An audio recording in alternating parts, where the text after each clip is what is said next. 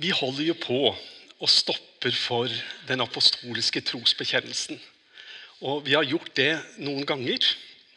Vi har hatt eh, tre gudstjenester hvor vi har stoppa for det temaet. Og eh, i dag så er det om Gud den allmektige. Jeg tror på Gud Fader, den allmektige, himmelens og jordens skaper. Og eh, de tre foregående søndagene så snakka vi først om dette med at jeg tror på Gud. Så var det om Gud Fader. Det brukte vi to søndager på. Og så er det da i dag om Den allmektige. Og Denne serien vi tar den jo opp, og du kan gå inn på tabernakelet.no, og så kan du lytte der hvis at du har lyst til det. La meg begynne i dag med å lese en sånn aldeles nydelig, vakker fortelling fra Jesajas kapittel 40. Det er en sånn hyllest til den allmektige Gud. Og eh, det står der fra Jesajas 40 kapittel 40 vers 21. Vet dere ikke? Hører dere ikke? Er det ikke fortalt dere fra begynnelsen av? Har dere ikke forstått fra jorden ble grunnlagt? Han troner over jordens krets, og de som bor der, er som gresshopper. Han brer himmelen ut som et stort og spenner, som et slør og spenner det ut som et telt til å bo i. Han, har, han lar fyrstene bli til intet, jordens herskere til tomhet. Knapt er de plantet, knapt er de sådd, knapt har de slått rot i jorden, før han blåser på dem så de visner, og stormen bærer dem bort som halm. Hvem vil dere sammenligne meg med? Hvem er jeg lik? sier den hellige. Løft blikket opp. Løft blikket mot det høye og se. Hvem har skapt alt dette? Han som teller stjerners hær, fører dem ut og kaller dem alle ved navn.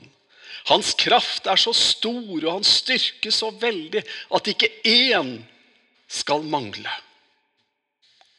Ja, nær sagt amen. Sånn får vi lov til å lese, og vi kunne lest bibelsted etter bibelsted som beskriver for oss Guds storhet. Gud han har jo gitt seg selv mange navn. Og navnene er på mange måter en åpenbaring for oss om Guds karakter, vesen, hvem han er. Og ett av de navnene som Gud har gitt til seg selv, det er navnet El Shaddai. Det er eh, litt uenighet eller litt sånn diskusjon helt den presise oversettelsen av El Shaddai. Men allmektig Gud er vel det som det er størst enighet om helt eksakt.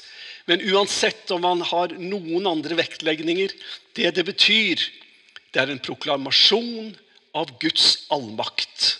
Der er det ingen tvil om. Du vet, en gang når Gud brukte dette navnet om seg selv Det er i første Mosbok kapittel 17. Det er kallet til Abraham. Og Der står det slik Da Abraham var 99 år gammel, åpenbarte Herren seg for ham og sa til ham Jeg er Gud den allmektige, El Shaddai. Vandre for mitt åsyn og vær ustraffelig. Jeg vil opprette min pakt mellom meg og deg, og jeg vil gjøre din ett overmåte tallrik. Her oppretter Gud sin pakt med Abraham, og Abraham blir til Abraham.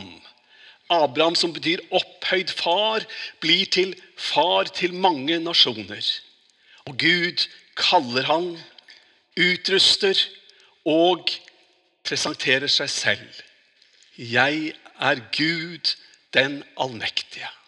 Allmektig Gud. Og dere, dette er Guds selvvitnesbyrd. Det er ikke verken du eller jeg eller noen andre som har kommet på at jeg tror Gud må være allmektig. Det er Gud som åpenbarer seg selv, gir seg selv det navnet, for at vi skal forstå hvordan Gud er. Men det forstår vi jo ikke. For det å forstå hva det er at Gud er allmektig, jo da, vi kan si en del ord og vi kan prøve å forklare, men det å begripe og forstå at det fins en allmektig Gud, det er i hvert fall for stort for meg. Våre tanker når, når vi leser trosbevegelsen Jeg tror på Gud Fader, den allmektige himmelens og jordens skaper. Altså, Gud setter dette her inn i relasjon til far, og han sier at det er den allmektig. Og De fleste av oss har kanskje noen bilder i hodene våre om at faren vår var allmektig. Skjønt, når vi ble litt eldre, så skjønte vi at det var jo ikke sånn. Men, men som et lite barn kan se på sin far så tror jeg kanskje at for noen så er det liksom helt uten grenser. Faren min er mye sterkere enn faren din og alt dette her som vi holdt på med når vi var i den alderen. Benjamin her, som svever høyt i det blå, og som jeg er i ferd med å ta imot, han tror jeg hadde et sånt inntrykk av faren sin. Jeg må jo erkjenne at det har nok forandra seg etter hvert. Men da er det bare et frydefullt ansikt som vet at pappa han både kan og vil. Helt uten frykt. Han vet faren min fikser dette. For jeg får bare en luftetur høyt oppe i lufta. Pappa sørger for at jeg er trygg. Den allmektige. Det er de gode bildene som noen har. Og så vet vi det er noen som har helt andre minner og opplevelser av sin jordiske far. Men Bibelen bruker disse bildene for at du og jeg skal forstå litt av Jeg tror på Gud Fader, den allmektige. Himmelens og jordens skaper. Du vet, Diskusjonen om faren min er sterkere enn faren din og alt dette Det måtte jo bli konflikt av sånt. For det kan bare være én som er allmektig. Bare én kan være allmektig Gud. Og når kirkefedrene laget dette, de satte trosbekjennelse, så tenker jeg at når de sier dette om at 'jeg tror på Gud Fader, den allmektige', så er det på en måte en, et, både et oppgjør og en motpol til all type avgudsdyrkelse. Det fins bare rom for én allmektig Gud. Det kan være mange guder. Det kan være en gud som er veldig flink til å styre vær, og så kan det være en gud som er flink til å styre eh, eh, hva enn vi måtte tenke på av ting som skjer. Naturkrefter, vind og bølger og, og det ene og det andre. Det kan være spesielle guder som er flinke til noe i hedskapsteoriene. Men allmektig på alle områder. Det må bare være én. Det kan ikke være to, for hvem er mektigst av de to? Én allmektig Gud. Og når vi stopper for en sånn setning, allmektig Gud, så tror jeg vi skal være oppriktige og så skal vi erkjenne at det skaper mange spørsmål hos oss ubegripelig mange spørsmål. Og ubegripelig mange spørsmål som ikke vi kan begripe, og som ikke vi kan svare på. Det er en uendelighet av bilder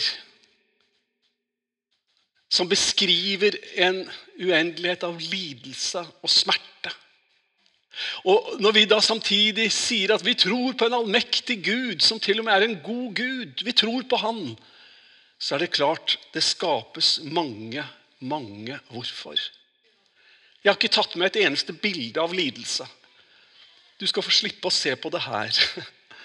Men utvalget hadde vært nærmest uendelig. Jeg var på Holocaust-museet i Jerusalem for en del år siden. Jeg hadde ikke lyst til å gå, men jeg følte at det var en plikt. Jeg følte liksom at Det er det minste jeg kan gjøre. Det er å sette meg litt inn og eksponere meg litt for det som skjedde overfor jødene under annen verdenskrig. Og Det å komme inn i Holocaust-museet se alle skoene. Og se alle de andre effektene. Se, alle, se beskrivelsene. Lytte til vitnesbyrdene. Altså, jeg, jeg, jeg hadde nær sagt jeg har ikke godt av det. Skjønt, Vi har nok litt godt av det av og til å bli eksponert for realitetene. Men man går ikke fra et sånt møte med, med glede i hjertet. Man går med sorg over lidelse som er så ufortjent. Og Dette er bare et eksempel. Vi kunne hatt over hele verden lidelse som rammer uskyldige mennesker. Og da må vi ha lov til å spørre hvorfor. Hvorfor skjer alt dette hvis vi samtidig sier at vi tror på en Gud som er allmektig? Jeg skal komme tilbake igjen til det spørsmålet om noen minutter. Men først jeg tror på Gud Fader, den allmektige, himmelens og jordens skaper. En som, en som er så uendelig stor. Du, jeg er jo født i Trondheim, men jeg, føler at jeg har mye røtter oppe i Sirdalen, ei lita bygd, Skeie. Eller om du er fra Kviteseid, sånn som Geir Danne. Eller, ikke sant? Hvis du har den bakgrunnen, så er Skien en stor by. Hvis det er Skien en stor by. Og eh, hvis du har vært på, på, reise i utlandet Jeg har fått lov til å være i USA noen ganger. Og det er Amerika, et stort land. altså Tidssone etter tidssone, fra øst til vest. Millioner på millioner, hundrevis av millioner mennesker. Det blir svært. Men når vi ser på dette bildet her, med en stjernehimmel så uendelig og, og Hvis vi hadde et, presentert et annet bilde hvor du kan se en liten prikk Og det er verken jorda, men det er vårt solsystem og, og, altså en uendelighet. Og dere, jeg tror at det er en skaper. Og eh, jeg skal lese fra Salme 8. Når jeg ser din himmel, dine fingers verk, månen og stjernene som du har satt der, hva er da et menneske? At du kommer ham i hu. En menneskesønn, at du ser til ham. Ja da. I begynnelsen skapte Gud himmel og jord. Og dere Jeg vet hvordan han gjorde det. Faktisk. Det er så mange som sier at ikke de vet, men jeg vet. Og jeg skal fortelle dere det. Jeg skjønner jo ikke alt, jeg skal ikke påstå det. Men hør her. Himmelen er skapt ved Herrens ord. Og all deres hær ved hans munns åndepust. For han talte, og det skjedde. Han bød, og det sto der. Du, sånn skapte Gud. Dette tror jeg på av hele hjertet. Uten at jeg på et øyeblikk kan forklare og forstå hvordan dette var mulig. Men det, det å skape altså Jeg kan jo lage en del ting. Er ikke så mye, forresten, men, men litt kan jeg lage. Men da bruker jeg jo materialer. Og så tar jeg og kanskje høvler litt. skjønt jeg er ikke så flink til, men, men ikke sant? jeg kan lage noe. Men tenk at vi tror på en Gud som kan skape av ingenting som har en kraft og en makt i seg, slik at han kan tale. Det skjer. Men dere, dette tror jeg på. Og det rare er at jeg synes det er det eneste fornuftige å tro på. Hvor lenge det er siden, om det er, eh, om det er 6000 år siden, eller om det er millioner på millioner av år siden det betyr ikke noe for meg. Jeg har all respekt for at det kan bety mye for deg. Særlig hvis du knytter det opp imot bibelsyn og troverdighet av Bibelen. Da kan det bety veldig mye. Men jeg har ikke den koblinga. Jeg tror på Bibelen uansett hvordan det er. Så for meg så, så rører ikke noen av de eh, forklaringene med min gudstro. Jeg er fullt overbevist om at Gud har skapt. Og dere Jeg tror ikke at alt har vært evig. Jeg fulgte en tråd på internett for eh, ikke så lenge siden der det var en som stilte et spørsmål.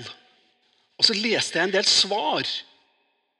Og Jeg syntes egentlig ikke spørsmålet var dumt i det hele tatt. Men jeg ble litt overraska over aggresjonen hos enkelte over at spørsmålet i det hele tatt ble stilt. Det spørsmålet som ble stilt, det er dette. Tror ateister at materie og energi alltid har eksistert? På samme måte som kristne tror Gud alltid har eksistert. Altså at alle tror at noe alltid har eksistert. Noe som er evig. Jeg tenkte at det var et fornuftig spørsmål. Og Så leser jeg en del ateister. altså En ateist er jo per definisjon en som ikke tror på Gud.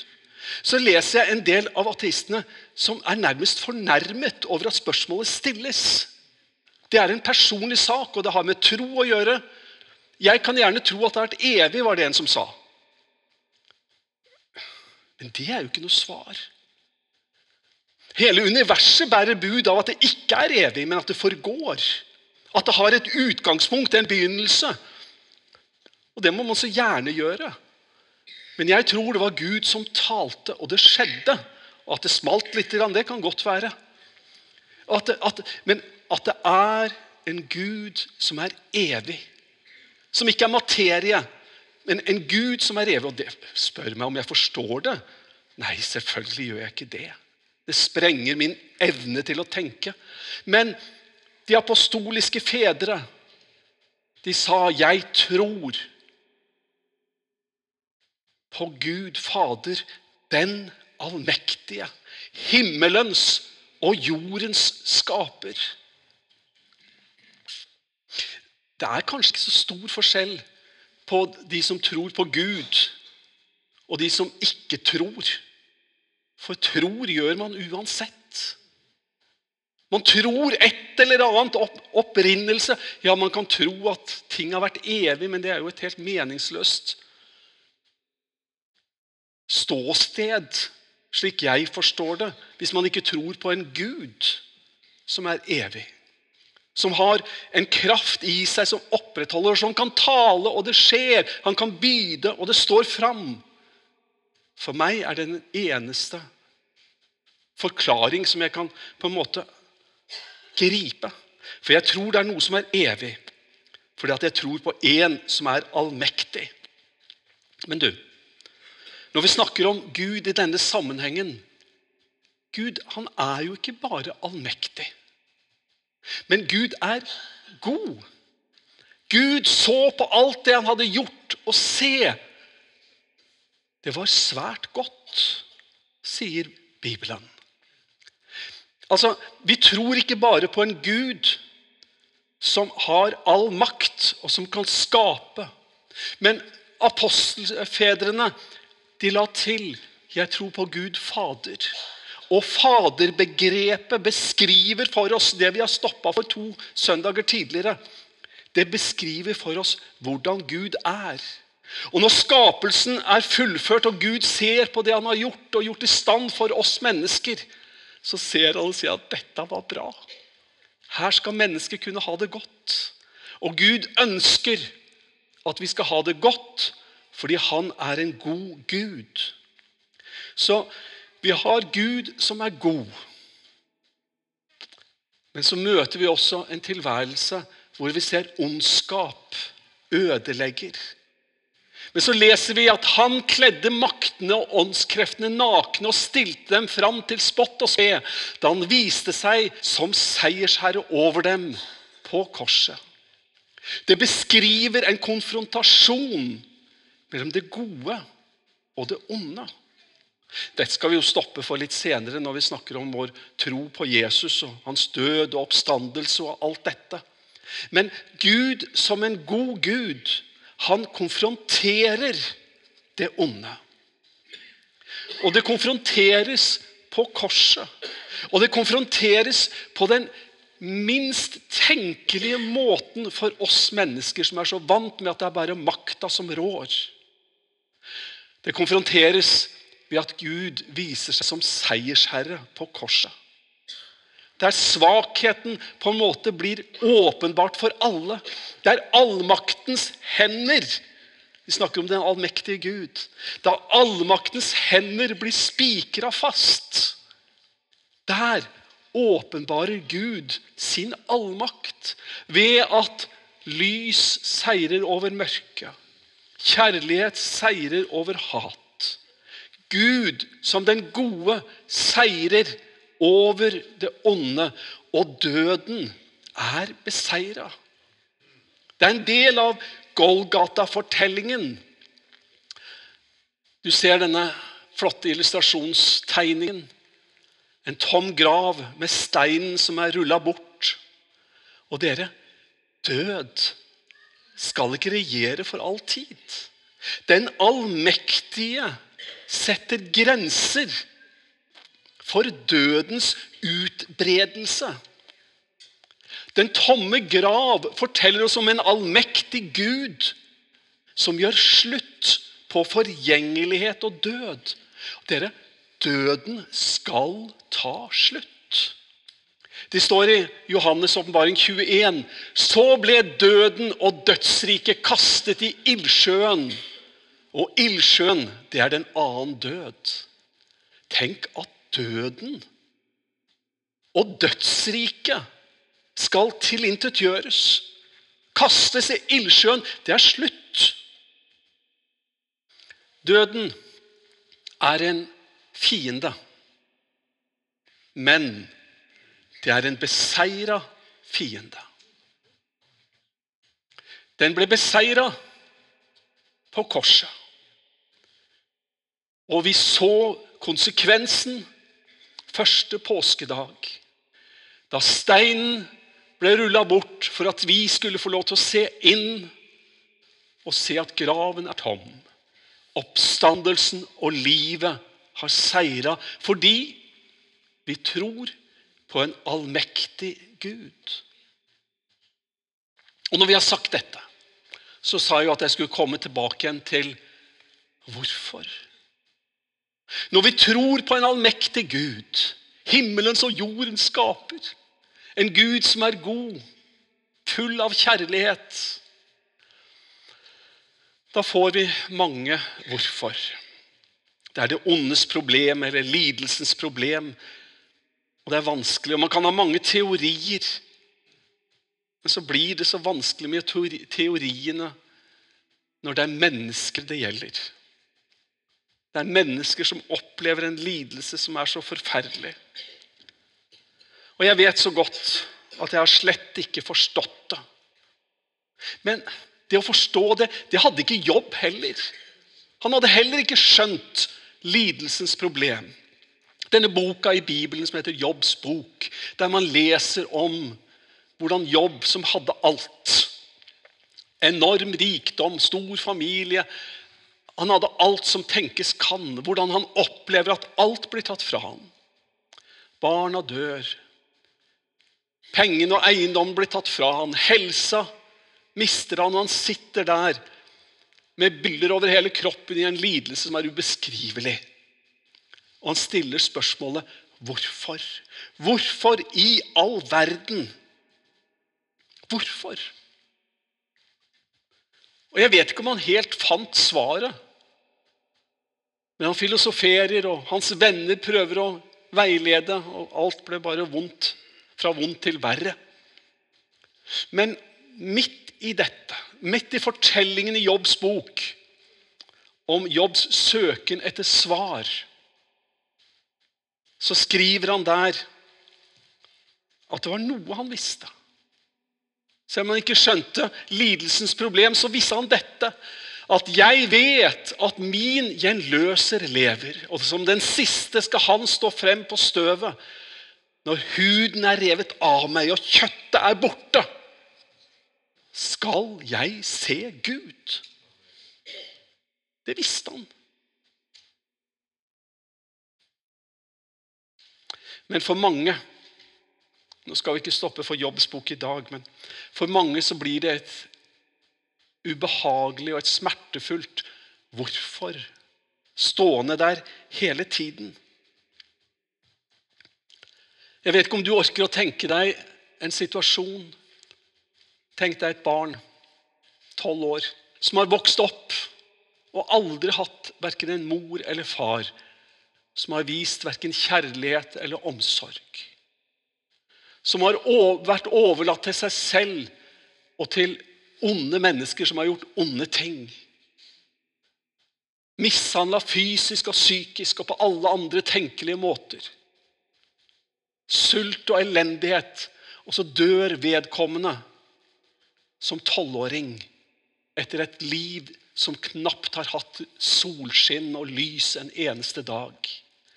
Og vi står igjen med lidelsens problem og spørsmål om hvorfor. Jeg tror at Gud er allmektig, men ville det ikke vært bedre for dette barnet å aldri blitt født? Og fått sluppet disse tolv år med lidelse før en smertefull avslutning? Og jeg tror de fleste av oss vi, vi heller imot å si å, at barnet ble født. Det ville vært så mye bedre om det hadde blitt spart for all denne lidelsen. Men jeg vet ikke om det er mulig for oss å tenke at dette barnet, etter å ha kommet hjem til himmelen Og etter at barnet der har vært der i en million år, eller kanskje bare en time Og hvis du hadde gått til barnet og spurt var det verdt det var det verdt det? Disse tolv år med lidelse, var det verdt det? Jeg tror at barnet ville sett på oss som et stort spørsmålstegn og sagt selvfølgelig var det verdt det. Tolv år med smerte, ja, men nå er jeg her. Jeg er Guds barn. Jeg har Gud som min far. Jesus er min bror. Jeg er i himmelens herlighet, i evigheters evigheters evighet. Selvfølgelig var det verdt det. Jeg vet at jeg snakker om ting vi ikke forstår. Jeg vet jeg berører følelser som kanskje ingen av oss verken kan tolke eller kontrollere helt. Men det er et perspektiv på en allmektig Gud som jeg tror på. Jeg tror på en allmektig Gud som sier dere må kjenne Kristi kjærlighet, som overgår all kunnskap, så dere kan bli fylt til hele Guds fylde. Men ham hør, men ham som kan gjøre mer enn alt, langt utover det, det vi ber eller forstår, etter den kraften som er virksom i oss. Jeg tror det er noe som er større enn vår fatteevne. Jeg tror det er en allmektig Gud som kan lege de sår som ikke vi engang kan fatte eller begripe. Jeg tror på en Gud som har makt, ja, allmektig, til å helbrede, til å lege, til å gjenopprette. Til å ta dette som har vært prega av bare lidelse hele livet. Løfte det opp i himmelens herlighet, for han avvæpnet maktene og myndighetene. Døden og dødsriket kastes i ildsjøen. Jeg tror på en evig seier. Det er fullbrakt. Jeg tror at det er en kraft, og jeg tror det er en som er mektig til å gjøre langt utover det vi ber om. Ja, han, skal, han som kan gjøre mer enn alt. Og i dette perspektivet skal jeg avslutte med å lese fra Johannes' åpenbarings siste ja, Et av de siste kapitlene, siste boka i Bibelen. Der ser Johannes inn, og så skriver han kapittel 21. Og jeg så en ny himmel og en ny jord.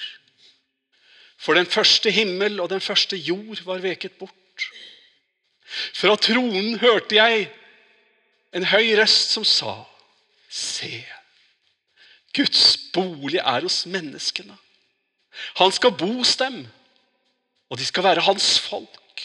Og Gud selv skal være hos dem og være deres Gud. Han skal tørke bort hver tåre fra deres øyne. Døden skal ikke være mer. Og ikke sorg, ikke skrik, ikke pine skal være mer. For de første ting er veket bort. Amen.